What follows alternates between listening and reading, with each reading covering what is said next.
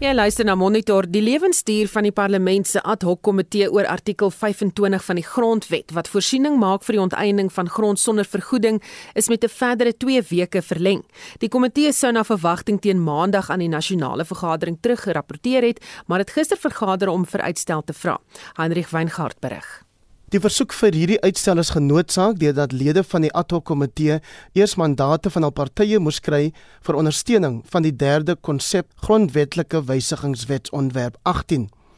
Die konsep is deur die parlement se regsafdeling opgestel in navolging van 'n verslag oor die herpublisering van die tweede konsepwet vir openbare kommentaar. Dr Matole Motshega is die voorsteur van die ad hoc komitee. By the end of business on Monday, all political parties will have consulted with our principals and then on Tuesday we have a meeting where parties will make inputs based on their mandates and therefore we'll be able to take uh, decisions on the draft bill that is before us whether or not we are going to entertain the new substantive clauses or not Die DA sê die stryd tussen die EFF en die ANC oor die grondwet se eiendomsklousule is die oorsaak dat opnuut vir uitstel gevra is. Die party se verteenwoordiger, advokaat Glynis Breitenberg, sê die DA hoop hierdie is die laaste uitstel wat toegestaan is. I really think that that should be the end of it. Uh, there's nothing that we still need to deal with that cannot be finalized in two weeks. And uh, I think we should make every effort to finalize it in two weeks. The Democratic Alliance holds the view that um, this constant uh, moving of the goalpost, this constant postponing the lifespan of this committee is simply because the ANC and the EFF know that they're not going to get a two thirds majority. They're not going to get the votes that they require to pass this amendment because this amendment is still born and dead in the water. Maar die ANC lid van die komitee, Sibosiso Gomede sê dit is voortydig van die DA om hom nou reeds te bekommer oor of 'n 2/3 meerderheid steun vir die verandering van die eiendomsklousule behaal sal word. So I'm saying, Chair, I want to beg the indulgence of the DA and the Freedom Front that at this time we seek their honest guidance. We seek, you know, a, a kind of a common view so that we conclude we take. Whether the two thirds is obtained or it's not obtained, I think that will be determined later when we go to parliament and we perhaps present and we vote. So all that I'm saying, Chair, your opening, it's okay, and uh, perhaps the comments has in fact enlightened us that there is quite a lot that we don't know, which we thought we know. I did not know about the two weeks that has been given. Other people are preview, they've got that. Die VF+ wou weet of nuwe openbare verhore oor die nuutste weergawe van die konsepwetgewing gehou sal word. Die party se senior regsadviseur, Shamaine van der Merwe sê, indien sekere dele verander word, behoort die publiek se kommentaar daarop verkry te word. Een voorgestelde verandering is dat grondonteiening teruggevoer moet word na die 1800s en nie slegs vanaf 1913 nie. Van der Merwe sê eers wanneer komiteelede besluit het oor die aanvaarding van die veranderings, sal die wetsontwerp as finaal beskou kan word. If the committee decides that and there's two specific amendments that of the change to subsection 7, the, the change of 1913 date to 1800, as well as the exclusion of communal land. Those two amendments will have to be submitted to the public again. Um, it will also be referred to the National House of Traditional Leaders by the joint tagging mechanism. Um, we will have to call the departments and um, ask uh, comments from the provincial legislatures because those two amendments are material amendments. Die komitee sal vandag weer deur die parlement se regsafdeling toegespreek word. Hierdie verslag deur Mercedes Persent van ons parlementêre redaksie. Ek is Hendrik Weingart vir SAK nuus.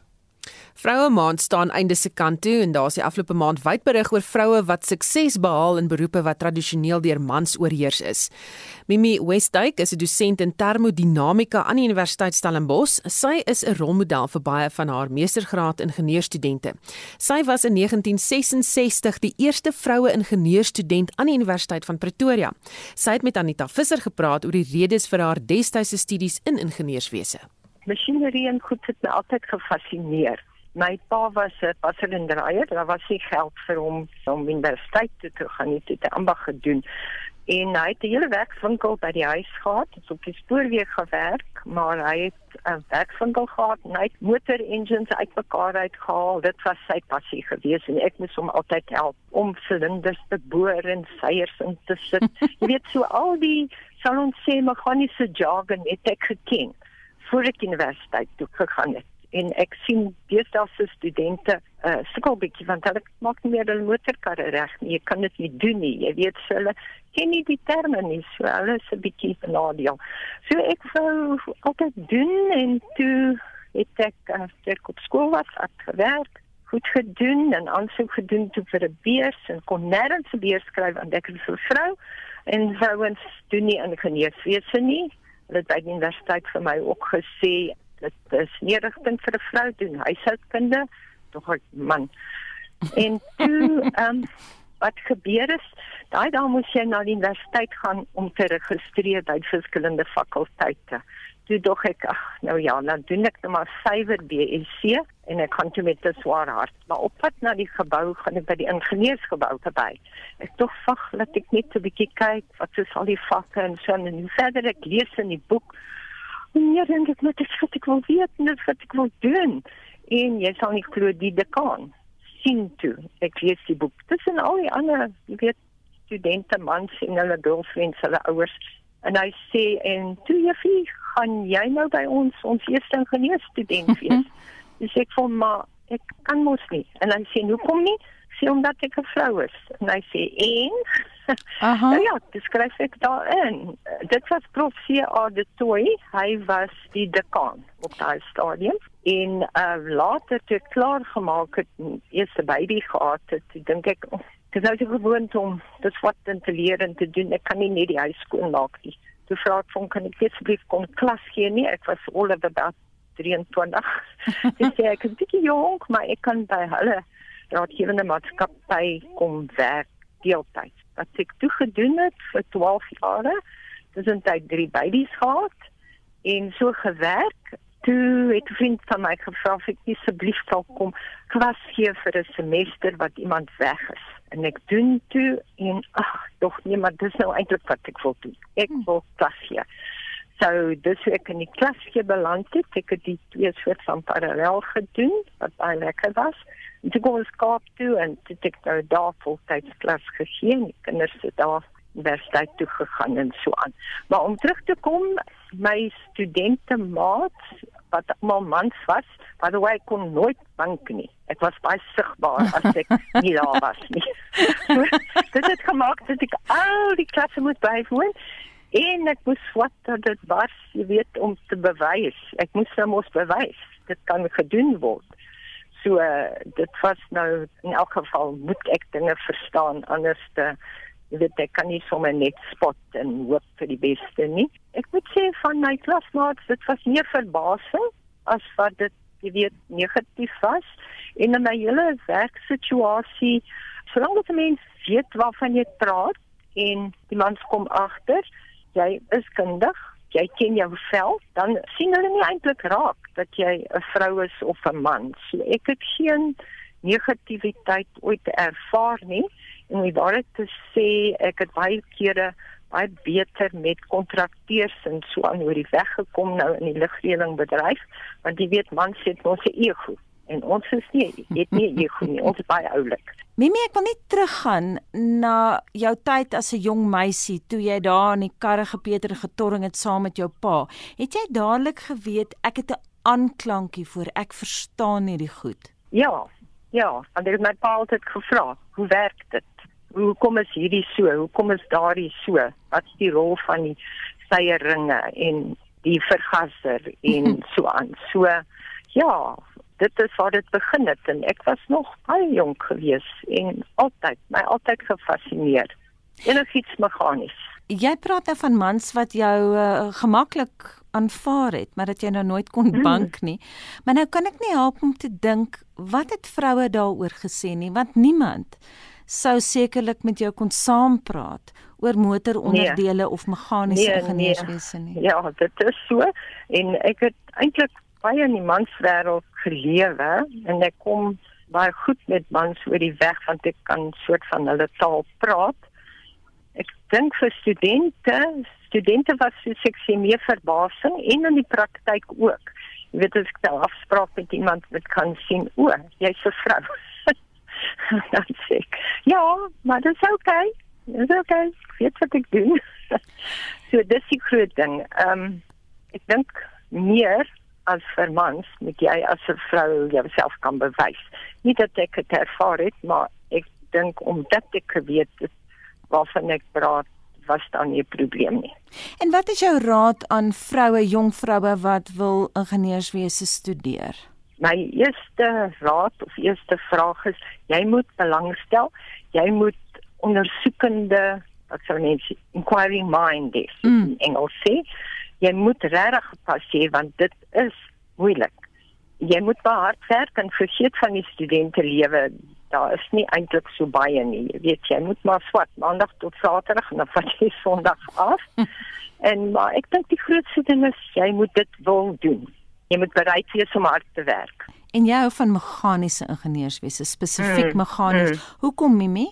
Want dit is goed wat draai en dit is goed wat beweeg. En dit is goed wat geluide maak jy weet soos ehm um, diesel engines, treine, daai seiers wat so beweeg, ehm um, man 'n motor wat 'n pomp aandryf, musiek in my ore. So moet dit wees. Dan is dit vir jou lekker. En dan Mimi Westdyk, 'n dosent in termodinamika aan Universiteit Stellenbosch wat met Anita Visser gepraat het. Die RW Wilcox gebou op die kampus van die Stellenbosch Universiteit sal voortaan as die Krotoa gebou bekend staan. Die gebou huisves onder meer die departemente geskiedenis en sielkunde. Ons praat met Dr. Ronel Retief, die registrateur en voorsitter van die naamsgewingskomitee. Goeiemôre Ronel. Goeiemôre. Sê vir ons net weer wie was Krotoa? Krotoa was 'n vrou van die Koemense.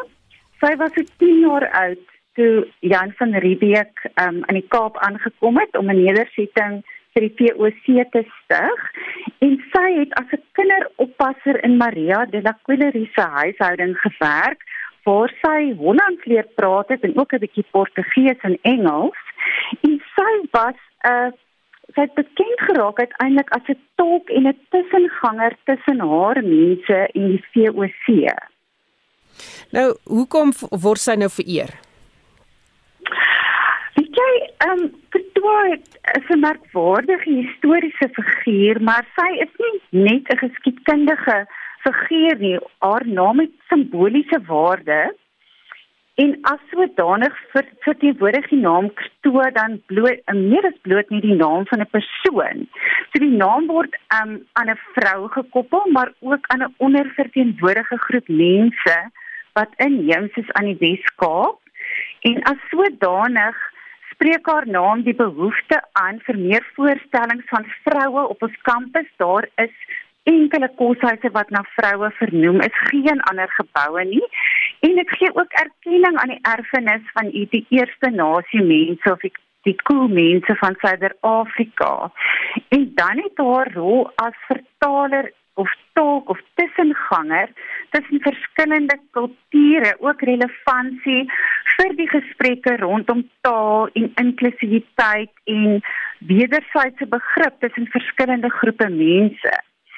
Um en haar het ook 'n komplekse geskiedenis gehad wat ons nie moet um, uit die oog verloor nie en haar eie komplekse geskiedenis herinner natuurlik vir ons ook daaraan dat dat ons self as as 'n land en 'n universiteit 'n komplekse geskiedenis het en dit herinner ons eintlik aan ons eie gebrokenheid.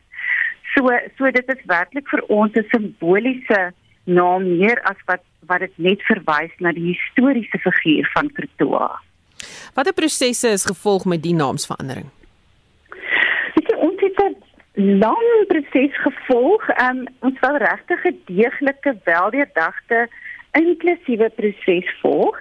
Ons het reeds in 2019 die versoek gekry van universiteitsbestuur om te begin met 'n inklusiewe proses vir naamsverandering van die Wilcox gebou en ons het heelwat onderhoude gevoer met verskeie belanghebbers En in Julie verlede jaar het ons 'n versoek vir voorstelle gerig aan die universiteitspersoneel en aan ons studente sowel as gemeenskapslede.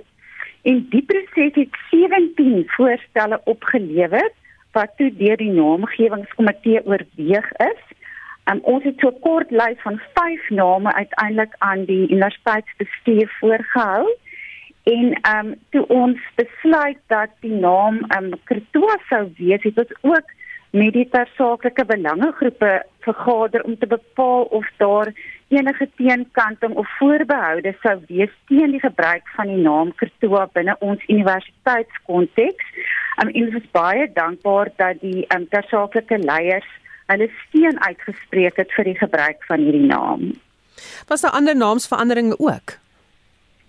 Ja, o, ek het nou 'n lys van name hier voor my. Um, ek het sommer so gekyk die afgelope 20 jaar het ons heelwat naamsveranderinge gehad. Dit is algemene praktyk op wêreldwyd. Die mees onlangse voorbeelde wat ek miskien net kan noem is die ons um DF Malan sentrum wat vernoem is na die Koetsenberg sentrum. Uh, ons het onlangs die um Adam Small teaterkompleks um uh, benoem wat voorheen die HB Tong teater was. Uh daar is 'n uh, uh, die Bergstraat 7 wat na Piet Okkers huis vernoem is. Hy was een van die eerste inwoners in in hierdie huis wat aan die universiteit behoort. En dan vernoem ons ook of benoem ons ook nuwe geboue. So ons het 'n huis Russell Botman wat na wyle professor Russell Botman vernoem is, um die Jan Meton Leer sentrum, Nkosi Johnson huis, is 'n koshuis op ons Tygerberg kampus en so kan ek aangaan. Daar's werklik heelwat naamsveranderinge um wat met verloop van tyd gebeur. Baie dankie. Dit was Dr. Ronel Retief, die registrateur en voorsitter van die naamgewingskomitee by die Stellenbosch Universiteit. Gepraat van SMS'e Marlenae. Ons vra wat jy dink van die regering se meesterplan om die daggebedryf te kommersieel kommersialiseer en te industrialiseer. Nou op Facebook praat mense behoorlik saam, so jy kan daar gaan kyk. Daar is 'n magte om menings en tussen is die WhatsApp lyn ook aan die gons. Ek stem saam dat die goederes kan werk en daai dinge en vir die mense wat dit kan gebruik vir siektes en dit. Maar waar hierdie regering betrokke is, kan ek nie sê wat hier gaan uitkom nie. Ek dink enige bedryf is dalk goed al is dit nou die dag gaan, maar dan moet dit wees soos in Amsterdam waar jy gaan na die grashopper toe en jou puffy puff en jou dinge doen. So ehm um, as iets beheer kan wees en dit gedoen word volgens regulasie goed. Maar ons nasie in Suid-Afrika is bekend om reëls te breek. CBD, cannabidiol gaan die toekoms word. Dis 'n natuurlike middel wat ongelooflik is vir pynbehandeling. Ek is absoluut daarvoor. Mense wat dit nog nie probeer het nie, kan gerus dit wat jou laat hoog geraak is uitgehaal en net die medisonale res is gelos om jou te help. Ek het by 'n uh, man gehuur. Hy en sy vrou het daardie daga olie. Ek en sy vrou het meer as een keer 'n week het ons gaan aflewer by homopate, by privaat mense, by aptekers wat pasiënte het vir daardie goed gebruik. Ons het self dit probeer vir my man wat aan hoë bloeddruk gely het en ek wat 'n uh, baie pyn in my lyf het en daardie olie werk. Ek sit vandag met 'n 0 0% werk mense op my plaas as gevolg van dagga. Hierdie mense gebruik nie net dagga alleen nie. Hulle gebruik enige ander vorm van drugs om hulle ook te help om seker nog 'n bietjie te boost. So van my kant af geen dagga. My oupa het dagga gekoop en dan het dit getrek soos tee. En weet jy, hy het my ouma vir baie jare aan die gou gehou met daai dagga water. Ehm um, Hulle het dit nooit gerook aan nie, maar die medisonale gebruik daarvan vir jy trek dit soos tee. Dit lyk soos ek wil amper sê veel piepie water is so 'n vuil geel kleur. Dis bitter sleg. Glo vir my dis bitter sleg, maar dit is geweldige goeie medisyne. Daai droë dagga wat jy trek soos tee, dis baie baie goeie medisyne. Hester laat weet sy gebruik nou al vir meer as 3 jaar daggaolie om haar te help om diabetes en kanker te hanteer. Sy sê dit werk vir haar. Dan skryf Louis uit Antigua Bay, dagga vir medies miskien, maar as dit gerook word tydens werksure, het dit 'n erger effek as alkohol. Hierdie is 'n grys area van die dagga rokers is 'n groter gevaar vir hulle medewerkers en hulle self by die werkplek. Jy kan vir allas jou mening deel met 'n SMS. Jy kan dit stuur na 45889. Dit gaan jou R1.50 kos. Jy kan ook saampraat op Monitor en Spectrum se Facebookblad of stuur 'n WhatsApp stemnota na 0765366961. Dis 0765366961. Maar Lenay voor jy daar weghardop klink vir my of een van daardie luisteraars so 'n bietjie skelm van sy oupa se dagga tee watertjies gesteel. Inderdaad, maar ek dink dit was vir die lekkerste ervaring as jy so daarna geluister het. nou ja, dit klink of daar baie wantroue is in regering se vermoë om dit te bestuur. So as so iets realiseer wat betref die meesterplan vir dagga van die regering, watse tipe wetgewing of reëls en regulasies moet dalk nou in plek wees om dit behoorlik te bestuur? Baie mense wat praat van by die werk, ons het gehoor van die boer wat gesê het maar as niemand op sy plaas nie as gevolg daarvan en ek weet daar is reëls en regulasies oor dat jy kan nie mag nie uh, by die werk dit hê nie. Ehm um, maar wat dink jy moet uh, die weet gedoen word vir beide die verkoop en die gebruik daarvan? Sê bietjie wat dink jy watse reëls regulasies sal help om so iets dan nou te bestuur?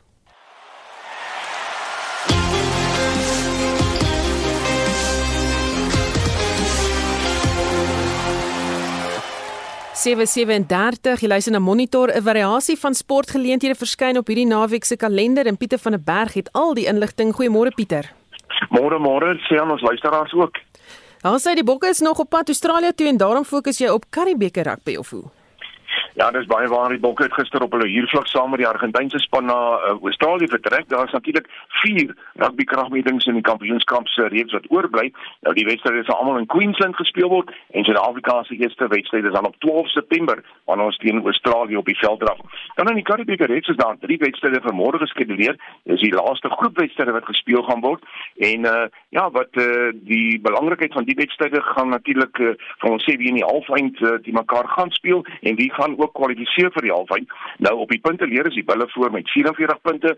Die Haie is in die tweede plek met 40. Hulle het by beide tuis halfeind wedstryde. Dan die drie spanne wat saam gaan uitspook vir 'n plek in die halfeind is Griekwas op 33 punte, die Pumas op 32 punte en die WP is vyfde. Hulle het 30 punte. Nou kom ons loer na die bepalinge dan. Uh, môre se bepalinge Griekwa speel om 0:30 teen die Pumas. Dion uh, Skuman se verslag doen oor daardie wedstryd. Dan die Bulls teen die Cheetahs om kwart voor 5 môre middag Johan Rademan sal die verslag daar hanteer. En dan sal Johan Tormalen verslag doen oor die wedstryd. Dit is die derde wedstryd aan môre aand en dit is die Haie teen die Weselike provinsie en daardie wedstryd begin om 7 uur. Dan motorwetren entoesiaste sit met groot glimlagte op hulle gesigte en die rede is natuurlik dat daardie naweek motor en motorfietswetrenne geskeduleer is. Ja, kom ons loop eers na die MotoGP, dis die Britse MotoGP wat plaasvind. Dis om 2 uur uh Sondagmiddag die hoofwedren. Natuurlik begin die oefenrondes of oefen sessies dan reeds vandag. Nou Fabio Cantararo op sy Yamaha is die voorloper op 181 punte op die punteleer met uh, Bagnaia op sy Ducati, dis Francesco Bagnaia op 134 daar tweede. John Mir, hy bekleed die uh, derde plek. Hy is op 'n Suzuki en dan Suid-Afrikaanse Brad Binder. Hy is uh, tans in die sesde posisie. Hy is op 'n KTM en hy het 98 punte. Dan is daar die uh, tweede um, Formule 1 wedren of kom ons sê die, die tweede motorsportgeleentheid vir die naweek dan is die Formule 1 daar in uh, België, dis die Belgiese Grand Prix wat om 3 uur Sondag sal begin. Lewis Hamilton is die voorloper in sy Mercedes op die punteleer met 195 punte. Dit is net so 8 9 punte meer as Max Verstappen op 187. En dan eh, Lando Norris in McLaren, hy is daar derde met 113. Vroeger die week het Erik van Rooyen onder die topspelers by die Northern Trust Ope geëindig. Waar word die golfstokke hierdie naweek geswaai? Ja, kom ons begin sommer hier plaaslik in Suid-Afrika. Dit is natuurlik die Sonskyn Tour se sogenaamde Origins toernooi daar in Sishen. Die manne kuier 'n bietjie in die Noord-Kaap en is ook die strydom en Rurik van der Spy wat daar saamvoer is op 200 syfer na die eerste ronde. Daar is 'n hele paar spelers op 100. Dit sluit onder meer um, Jaden Skyper in as ook uh, Luke Brown en Dion Germeshuis. Dan sien ons in Europa as die Europese meesters se eerste ronde wat gister voltooi is. Nou James Morrison, hy's op 1000 syfer en hy het sommer 'n lekker voorsprong van 3 houe na die eerste ronde. Uitmuntende 60 houe vir hom in daardie uh, eerste ronde. Die uh, twee manne op 700 is Robin Scott Sigrid en Marcus Armitage en dan Dean Burmester van Suid-Afrika. Hy is alleen daar in die vierde plek met Justin Harding, Darren Figart en Daniel van Tonner op 400. Ons moet ook net noem dat Dean Burmester in sy vierde plek is op 600 syfer. Dan beweeg ons na Amerika, dis die BMW Kampioenskap. Nou net die top 20 spelers, uh, verskoning, die top 70 spelers op die FedEx Punterleer is in aksie daar. Uh, Sam Burns en Jon Rahm asook Rory McIlroy, hulle het gesamentlik die voortou na die eerste ronde na 64 wat hulle op hulle telkaarte ingeval het. Hulle is op 800 syfer. Erik van Rooyen van Suid-Afrika, hy is in die sewende plek op 500 dan sien ek dat Charles Swartson en Louis Oosthuizen, hulle is beide daar op 100 syfer. Die tweede krikettoets tussen die Wes-Indiese eilande en Pakistan het vroeër die week geëindig en dit lyk vir my of Engeland tans aan die stuur van sake is teen India. Ja, jy is doodreg. Kom ons kyk net eers terug na daardie tweede toets tussen die Windies en Pakistan. Pakistan het daar met 109 lopies gewen. Dit het inderdaad die reeks aan gelyk op geëindig het met 1-1. Nou die tweede toets waarna jy verwys wat Engeland uh, so bietjie ja, nee, hulle het in weer daar uh, nou behoorlik beet na die uh, tweede dag. Nou op dag 1 het Indië net 78 lopies kom kon aanteken in hulle eerste beurt. Nou teen uitskyktyd gister op dag 2 het Engeland uh, gestaan op 423 vir die verlies van 8 Joe Rudy kaptein. Hy het 121 aangeteken sy 6de 100 al hierdie jaar alleen en uh, dit is van 165 balle met 14 vure. Dit beteken dat Engeland se voorsprong is 345 lopies met nog twee paaltjies staande in hulle eerste beurt. Nou gepraat van cricket, die Protea se eendagspan het Woensdag na Sri Lanka vertrek. Hulle het reeds daar aangekom nou en dis vir drie eendagwedstryde teen Sri Lanka en later ook uh, die 20 wedstryde. En dan intussen in Suid-Afrika se vrouespan in Antigua aangekom en dit is vir hulle T20 en eendagreeks teen die Wes-Indiese eilande se vroue span. Pieter, het jy die jongste nuus oor die Paralimpiese spele in Tokio? Ja, daar's 'n hele rits uh, uitslag gister. Die belangrikste een vir my was Suid-Afrikaanse Philippa Johnson Dwyer wat natuurlik daar in die perdesport se sogenaamde dressering deurgedring het na die volgende ronde. Sy was agste na haar uiting gewees. Sy het 'n telling van 67.780 gehad. Nou van vanoggend se uitslag, soos ek sê daar's 'n hele warboel van uitslag want die eerste is die atletiek het begin, maar kom ons kyk net eers uh, vinnig na boogskiet. Ek sien daar in uh, die die, die W1 klas en dit is nou vir die individuele ehm um, skuts is dit is Sean Anderson van Suid-Afrika wat daar sewende geëindig het met 637 punte.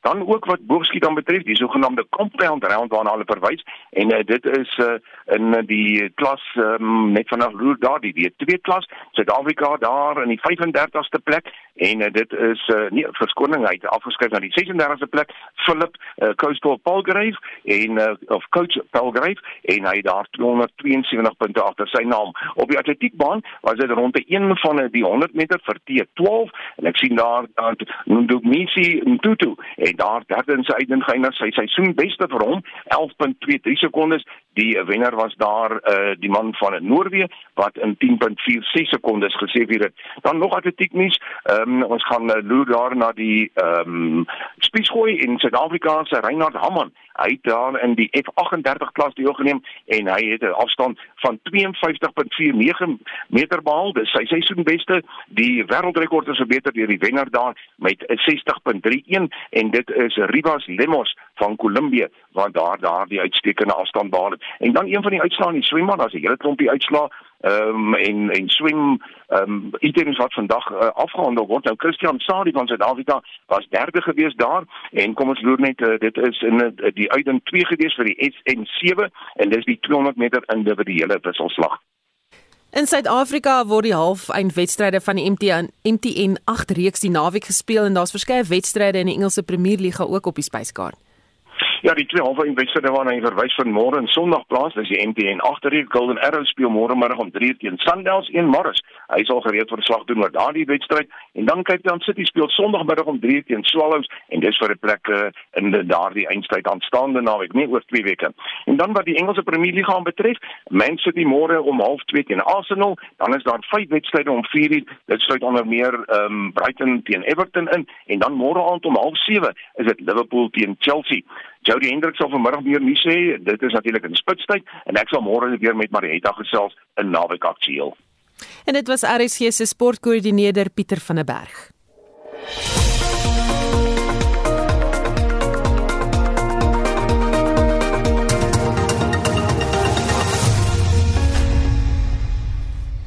Dis nou kwart voor 8 en ons opsomming oor nuus uit ander wêrelddele wêrelddele eerder word vanoggend deur Hendrik Weingart behartig en jou eerste stop is Afghanistan. Susan, die Amerikaanse regering loop nou deur onder kritiek oor hulle dit aan die Taliban oorlaat om die Kabul lughawe op te pas. Dit is sodat Amerikaners, ander buitelanders en ook Afghane wat vir Amerika en sy alliansievennote gewerk het, die land kan verlaat nou dat die Taliban beheer oorgeneem het. President Joe Biden sê dat die Taliban die lughawe beskerm is geen aanduiding van Amerikaanse vertroue in die militante beweging nie. Dit is eerder 'n geval van gedeelde belang. Of mense nou daarvan hou of nie sê die Taliban is aanbeweeg bewind en dit is belangrik dat met hulle saamgewerk word om diegene wat Afghanistan wil verlaat toe te laat om dit onder beskerming te kan doen. Maar kommer neem ook nou toe oor nog moontlike bomaanvalle op die Kabul lughawe. Dit is nadat minstens 90 mense onder wie burgerlikes en Amerikaanse militêre personeel die afgelope 24 uur in die uh, bomaanvalle omgekom het. Biden sê Amerika sal terugslaan.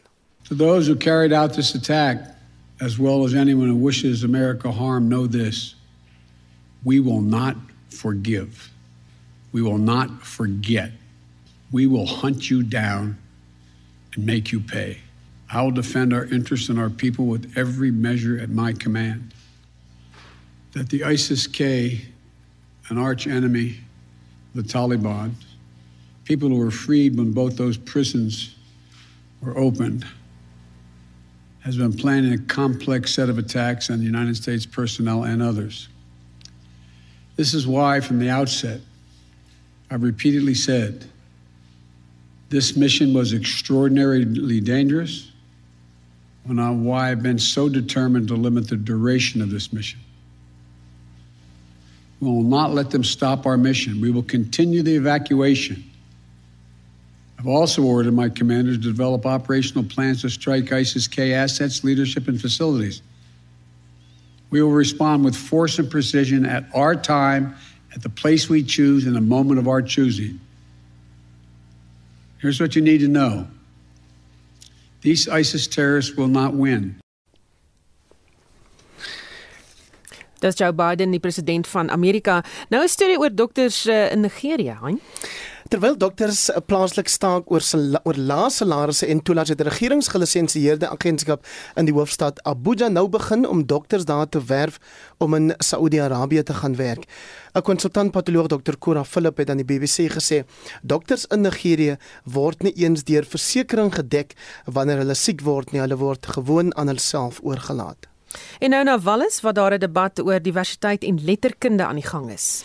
Die storie is dat daar nou 'n oproep gedoen word dat jaalde en jaaldinne in Walliese kinderstories meer divers moet raak sodat kinders uit swart en minderheidsgemeenskappe daar daardeur geïnspireer kan word.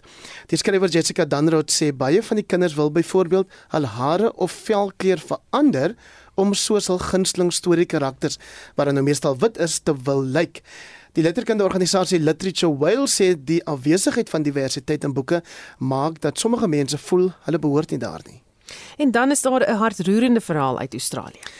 'n Plaaslike skaapboer, Ben Jackson wat weens COVID-inperkings nie sy tannie Debbie se begrafnis kon bywoon nie, het besluit om op sy plaas met sy eie kudde hulde aan haar te bring en die video daarvan is toe nou by die begrafnis vertoon.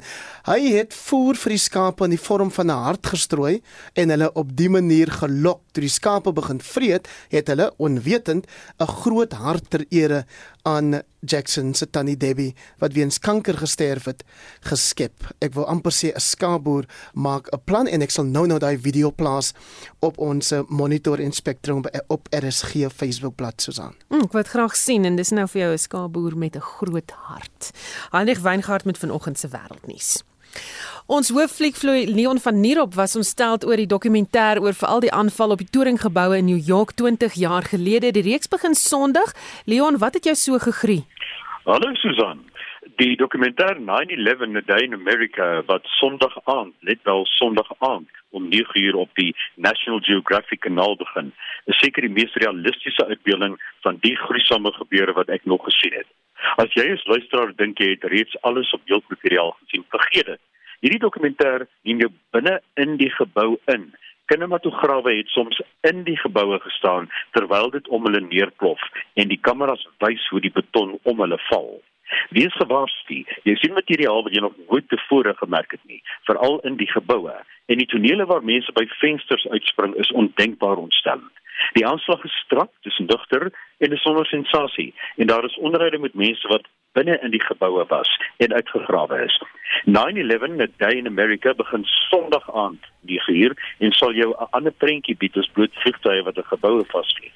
Daar's byvoorbeeld 'n onderhoud, Susan, jy sal dit nie glo nie, met 'n man wat op die 81ste verdieping was, so 81ste vloer en die vliegtuig reg op hom sien afpyl het, maar wonderbaarlik oorleef het toe hy gevlug het na 'n veilige trap toe. 9/11 a day in America is briljant, maar soms net te lank. Daar's verskeie episodes verwoestend maar nodig om te sien. 8 uit 10 dis Sondag aand op National Geographic. Die reeks Clickbait het 'n klein sensasie veroorsaak want dit is anders as die gewone drama reekse. Wat maak dit so anders? O, Susan, jy gaan mal wees daaroor, hoor. Ek was lanklaas so ongelooflik vermaak deur 'n reeks soos Clickbait wat vandag op Netflix begin. Die storie is so oorspronklik dat die mense die draaiboekskrywers beloof vir hul vindingrykheid en IQ's wat hoër as hul rekenaars sleutels gestyg het. Die reeks skop af met 'n hoërskoolonderwyser wat ontvoer word en met flitskaarte voor 'n kamera sit waarop staan: "Ek mishandel vroue. Ek het 'n vrou vermoor." Indien 5 miljoen mense hierna kyk, sterf ek.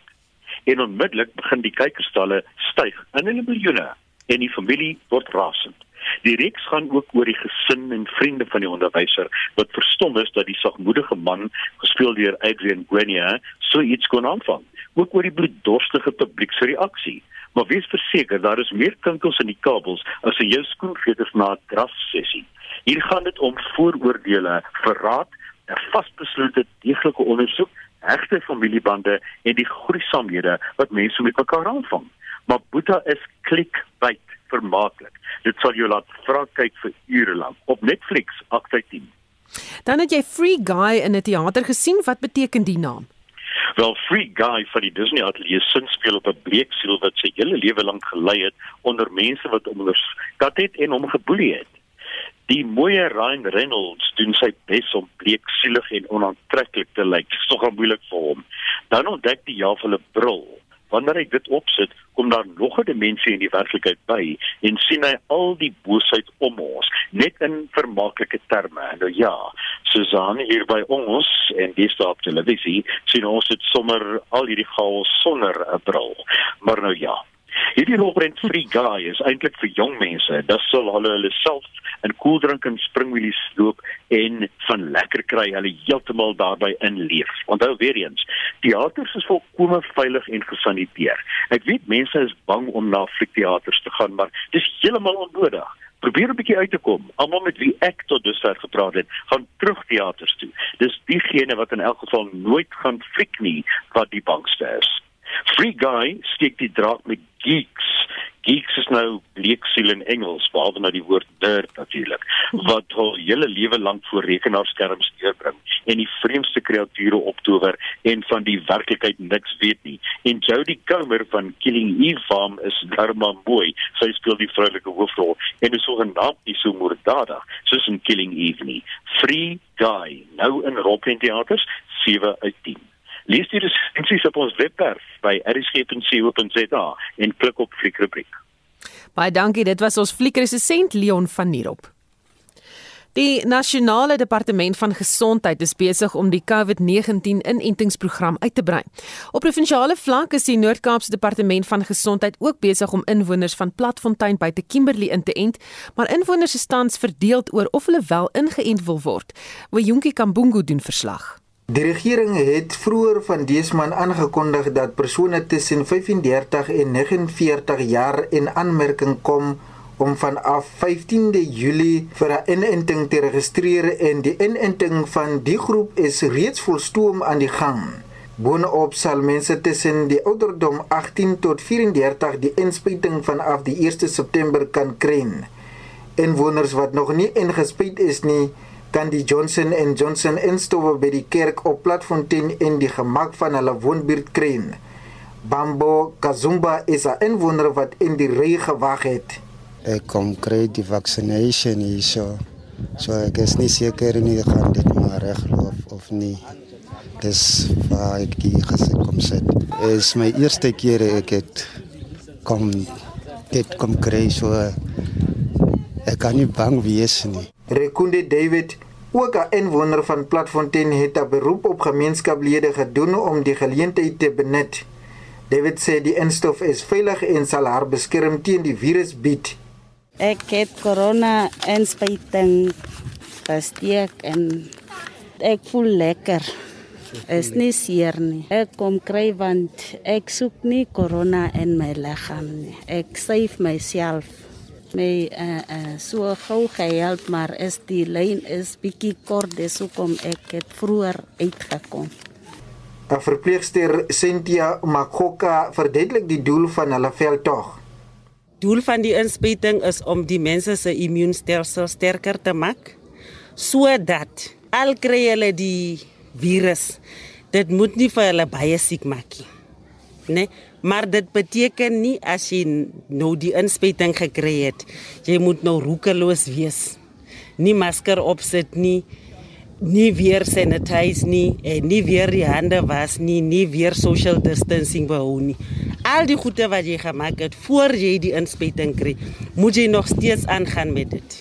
Makhoka sê daar is algemene simptome na inenting wat insluit pyn, swelling en 'n rooi vel by die inspuitplek, koors, moegheid en ander griepsimptome. So die side effects van die inspuiting is dit kan vir jou tekens gee asof jy griep kry. Ons weet as jy griep kry, jy kry daai chills, 1 minuut kry jy warm, 1 minuut kry jy koud. Die spiere raak seer, die liggaam raak seer, jy kry 'n hoofpyn en ran nie nou so die die side effects van die inspuiting is ook amper asof jy Magoka sê die simptome duur gewoonlik 2 dae. Inwoners wat nog nie geënt is nie, kan die Johnson & Johnson instof by die naaste plek soos die Klogomelo Tusang Service Center in Harmony Home in Kimberley gaan kry. Ek is by Junge Kambungu op Platfontein, buite Kimberley in die Noord-Kaap. Ons praat ook oor 'n moontlike daggabedryf in Suid-Afrika vanoggend. Kom ons luister wat sê jy hieroor. Ek kweek my eie dag in my eie tuin. Ek is geregtig om 4 plante vir elke persoon bo 18 jaar in my erf te hê. Ek het agtergekom daar's twee spesies wat vir my werk. Dit help vir rustelose bene, dit help vir pyn. Dit help vir ontsettend baie dinge. Die mense skiet die goed te vinnig af want dit word nie reg gebruik nie. Ek gebruik dit eenmal 'n week as ek nodig is, soms selfs eenmal in 2 weke. Jy moet dit net self beheer. RSG, kom ek vertel julle gou-gou. Alles gaan oor geld. Hulle sal daai ding nooit legalise tensy iemand iets uit die deal uit kan kry nie. Dit gaan oor geld. Die rede hoekom die Hollanders so snaaks Afrikaans praat, kan net dag gewees. Nee, dankie. Net hoe net hoe klink ons soos hulle. Die dorpie waarin ek bly, daar is kindertjies so so jonk so 7, 8 jaar oud wat in die strate rondloop wat dagga gebruik. Om dagga net so te gebruik is verskriklik sleg vir 'n mens. Die arme kinders weet nie wie hulle is, waar hulle is nie.